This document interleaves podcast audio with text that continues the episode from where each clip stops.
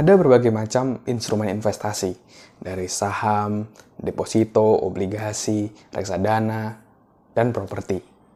Ada juga bisnis gitu ya, macam-macam. Dan salah satu yang menjadi favorit saya saat ini, dari dulu sampai saat ini, itu adalah properti. Karena dari properti kita bisa mendapatkan dua hal ini. Yang pertama adalah dari capital gain, yaitu adalah dari kenaikan harganya.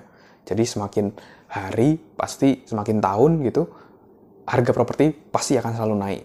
Why? Kenapa? Karena tanah di dunia ya cuma itu-itu aja. Tapi orang di dunia terus bertambah dan pasti orang membutuhkan tempat kayak gitu ya. Pasti harga terus naik.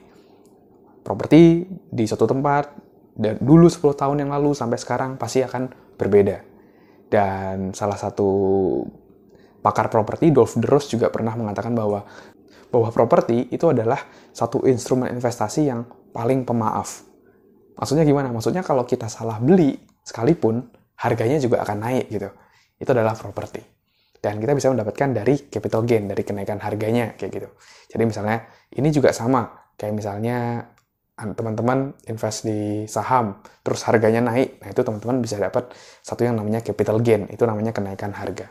Dan yang kedua adalah kita bisa mendapatkan satu yang namanya cash flow.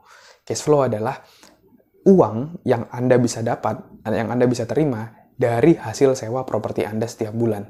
Jadi ibaratnya Anda nggak ngapa-ngapain, Anda sewain aja, itu udah bisa menghasilkan uang untuk Anda. Kalau misalnya di bisnis gitu ya, masih harus ngurus orangnya, operasional, segala macam. Tapi kalau teman-teman punya properti, ya udah propertinya tinggal disewain, dan uang itu akan datang tiap bulan atau bayar setahun gitu ya.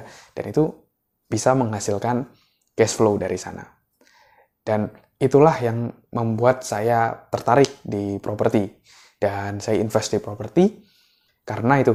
Karena yang pertama adalah dari capital gainnya harganya terus naik dan selama menunggu kenaikan harga yang semakin dahsyat kita bisa sewakan. Sehingga kita bisa mendapatkan cash flow dari sana mendapatkan uang dari sana tambahan passive income dari sana. Dari sudut pandang lainnya teman-teman juga boleh silahkan komen di bawah sini. Oke? okay?